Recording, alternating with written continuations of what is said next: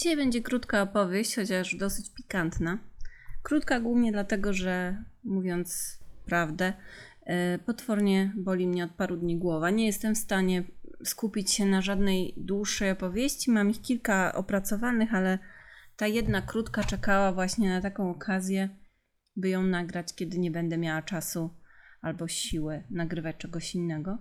Mam nadzieję jednak, że będzie mimo wszystko dosyć atrakcyjna, bo jest to opowieść e, o pewnym procesie sądowym na, a raczej w świecie e, lordów brytyjskich XVIII wieku i dotyczy małżeńskiej zdrady, a nawet czegoś trochę więcej. Także e, przejdźmy od razu do rzeczy i przenieśmy się tym razem do Wielkiej Brytanii. Bohaterami naszej opowieści będzie małżeństwo. Sir Richard Worsley, będę na niego mówić po prostu Richard, żebyśmy wiedzieli o kogo chodzi, i e, Seymour Dorothy Fleming, będę mówić na nią Dorota, e, żeby nam było prościej, m, którzy zostali małżeństwem. Zacznijmy od tego, że e, Dorotka była bogatą dziedziczką z bardzo szanowanej rodziny.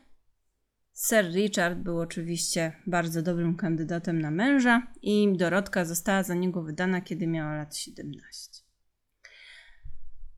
Ona, mm, jako dziewczę bardzo młode, urodzona w 1758 roku, e, była wychowana mm, jako ktoś, kto zna swoje miejsce w szeregu.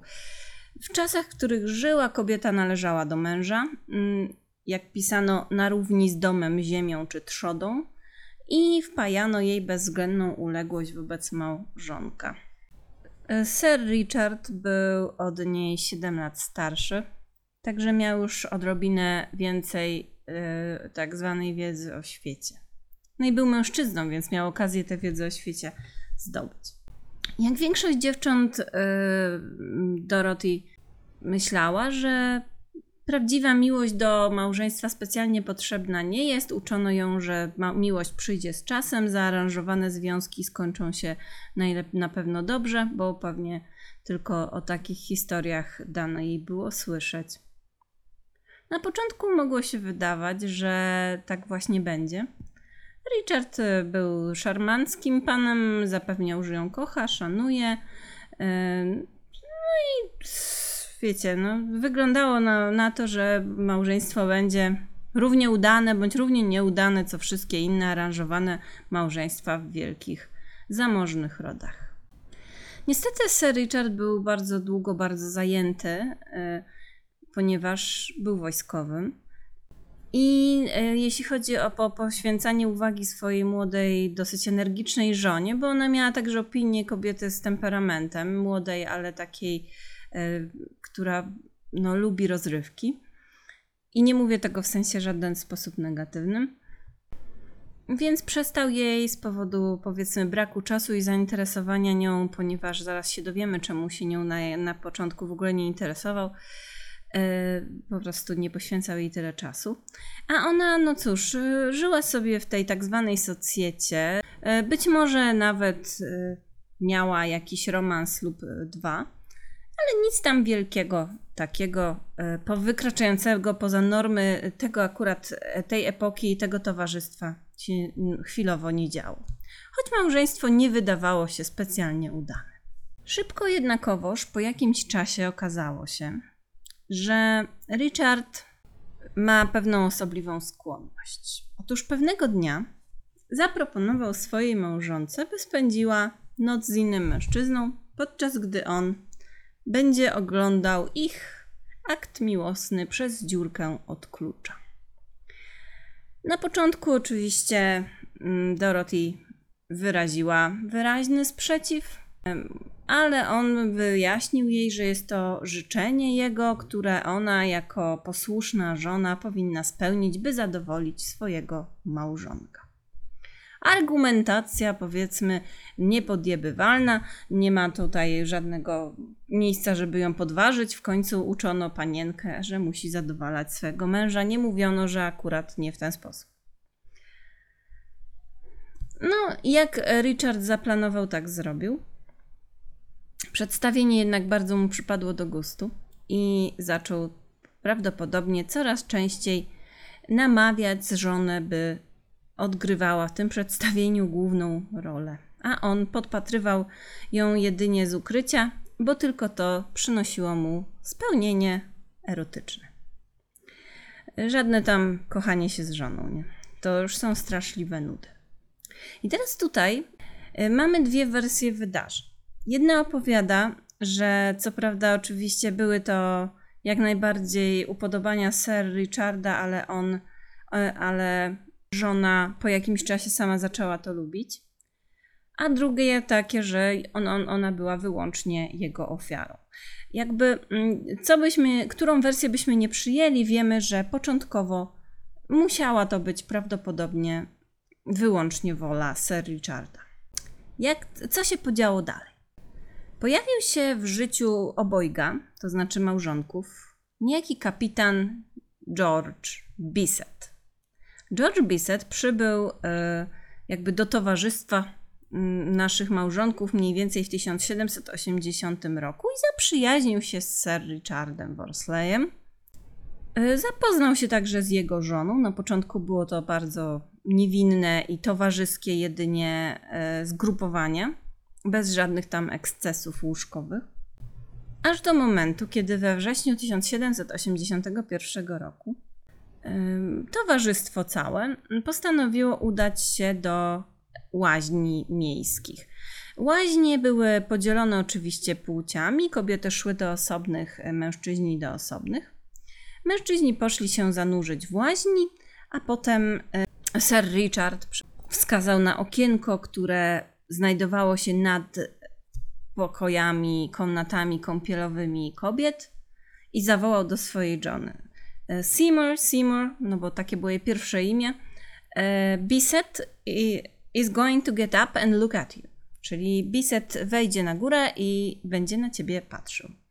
Na co małżonek naszej Seymour Dorothy pozwolił George'owi wejść na swoje ramiona, by ten mógł podglądać jego żonę. Bo jak wiemy, kinkiem naszego e, drogiego Sir Richarda było to, że patrzył, jak inni podglądają jego żonę bądź się z nią kochają. Ale to całe wydarzenie zapoczątkowało romans y, i autentyczną zażyłość między małżonką Sir Richarda, Seymour Dorothy, a naszym George'em Bissettem. Kapitan Bisset y, na tyle się zaznajomił z naszą Dorothy, że z tego związku narodziła się Jane, córeczka którą Richard, by uniknąć skandalu, uznał za własne dziecko. Jak widzimy, mamy tutaj już pewien trójkąt i sporo takiej srogiej perwersji. Niemniej e, w tę perwersję wchodzi miłość i sytuacja zaczyna się nieco odmieniać. Otóż e, Dorothy zakochała się w Bisecie i postanowiła wyzwolić się spod wpływów swego męża, który jednakowoż prawdopodobnie nie zadowoliłby się patrzeniem na nią wyłącznie z jednym mężczyzną. A George postanowił wspierać swoją ukochaną, w tym momencie już matkę jego córki, w tym, by udało jej się wyzwolić z okowów małżeństwa, co wcale nie było wtedy takie proste. Pewnej nocy po prostu Seymour Dorothy wsiadła w powóz i uciekła z domu razem z kapitanem George'em. Kiedy następnego dnia Sir Richard odkrył, że żona e, nie jest już w domu i że zniknęła, no oczywiście się wściekł. Dowiedział się oczywiście, z kim uciekła, no bo to prawdopodobnie też nie było trudne, żeby się domyślić. No i poczuł się straszliwie oczywiście z tym dotknięty. Wezwał swojego adwokata i powiadomił swoją żonę o tym, jakie są według niego kolejne kroki. Po pierwsze, jeśli wróci, to on wspaniałomyślnie postanowi, że może jej nawet wybaczy. Ale jeśli nie wróci, to on, Sir Richard, wytoczy kapitanowi Bissettowi proces, w którym oskarży go o straty moralne, no bo no, zajumał mu żonę, oraz uszkodzenie jego własności. Tą własnością była rzecz jasna małżonka. Zażąda też od niego rekompensaty w wysokości 20 tysięcy funtów. No i Seymour postanowiła mieć w dupie. Postanowiła, że nie, wró- nie wraca, że jest szczęśliwsza z Bisetem, że nie chce już być zabawką e, tylko swojego męża i że niech jak chce, to niech on w takim razie wytacza ten proces. No i Richard, jak powiedział, tak zrobił. Nie przewidział jednak konsekwencji tego procesu. Zaraz Wam o tym procesie opowiem, bo on był bardzo głośny. Był na tyle głośny, że codziennie prasa wydawała specjalne broszurki, e, które relacjonowały go, że tak powiem, dzień po dniu, godzina po godzinie. E, Takie programy, w których było napisane, co się danego dnia e, stało, i taki pro- pro- program to będzie ważne później, kosztował jednego szylinga. Sir Richard pozwał kapitana Biseta. Miał swego adwokata, który go bronił jako tego biednego, skrzywdzonego, zdradzonego, niewinnego małżonka, który czuje, jak to jego żona po prostu została mu odebrana, wyrwana niemalże spod serca. Adwokat przedstawiał Sir Richarda jako sumiennego urzędnika państwowego, wojskowego. No wiecie, służył krajowi, bo faktycznie choć był na wojnie jako pobożnego człowieka, który padł ofiarą spisku żony i jej kochanka. Przekupiono służące i paru świadków, których Sir Richard wybrał, którzy mieli zeznawać e, na jego korzyść. I w tym momencie sprawa dla Dorothy Seymour e, wydawała się przegrana, dopóki ona nie zdobyła się na odwagę i nie postanowiła powiedzieć całą prawdę o swoim mężu i jego upodobaniach seksualnych. Powołała w tym celu, uwaga, 27 mężczyzn, wszystkich, których e, Sir Richard e, naganiał do jej sypialni, by patrzeć, jak ona z nimi współżyje i by jedynie w ten sposób móc osiągać spełnienie. Wszyscy z tych mężczyzn, wszystkich 27, zeznało, że Lady Seymour spędzała z nimi noce wyłącznie z inicjatywy męża. Jakoś oczywiście wszystkim umknęło, że oni w tym brali udział i że wiedzieli, że być może ona jest przymuszana do seksu, ale najwyraźniej im to w ogóle nie przeszkadzało, no ale jak wiemy, inne czasy. A osobisty lekarz e, państwa Worsleyów przyznał, że znalazł objawy choroby wenerycznej, którymi zaraziła się e, Seymour Dorothy, no albo od męża, albo od jednego z nagonionych jej kochanków. Liczba dowodów była na tyle przytłaczająca, że e, Sir Richard przegrał, a odszkodowanie, jakie dostał, wynosiło jeden szyling, jak sędzia powiedział, by mógł kupić sobie program procesu. Ten proces był e, procesem wytoczonym przez Sir Richarda Bisetowi o znieważenie jego własności, a nie dotyczył on rozwodu. Mściwy mąż nie dał jej rozwodu od razu. Zabronił jej widywać się z tą córką Jane, która była w sumie de facto córką Biseta. I na dodatek kazał jej, by wyjechała do Paryża i zniknęła z oczu, by go więcej nie upokarzać. I dopiero gdy mąż e, zmarł, wróciła do swojego panieńskiego nazwiska, czyli Fleming, i wyszła ponownie za mąż za muzyka, który był od niej 21 lat młodszy, który na dodatek przyjął jej nazwisko, bo nasz drogi George Bissett zostawił ją zaraz po zakończeniu e, procesu, ponieważ uznał, że ten skandal to za wiele na jego słabe serduszko, no i on jednak się na takie zabawy nie pisze. Podobno, jeśli chodzi o te broszury z procesu, które były warte tego jednego szylinga, no to były one absolutnym hitem, były bogato ilustrowane. Tutaj właśnie dlatego ta ilustracja się pojawiła.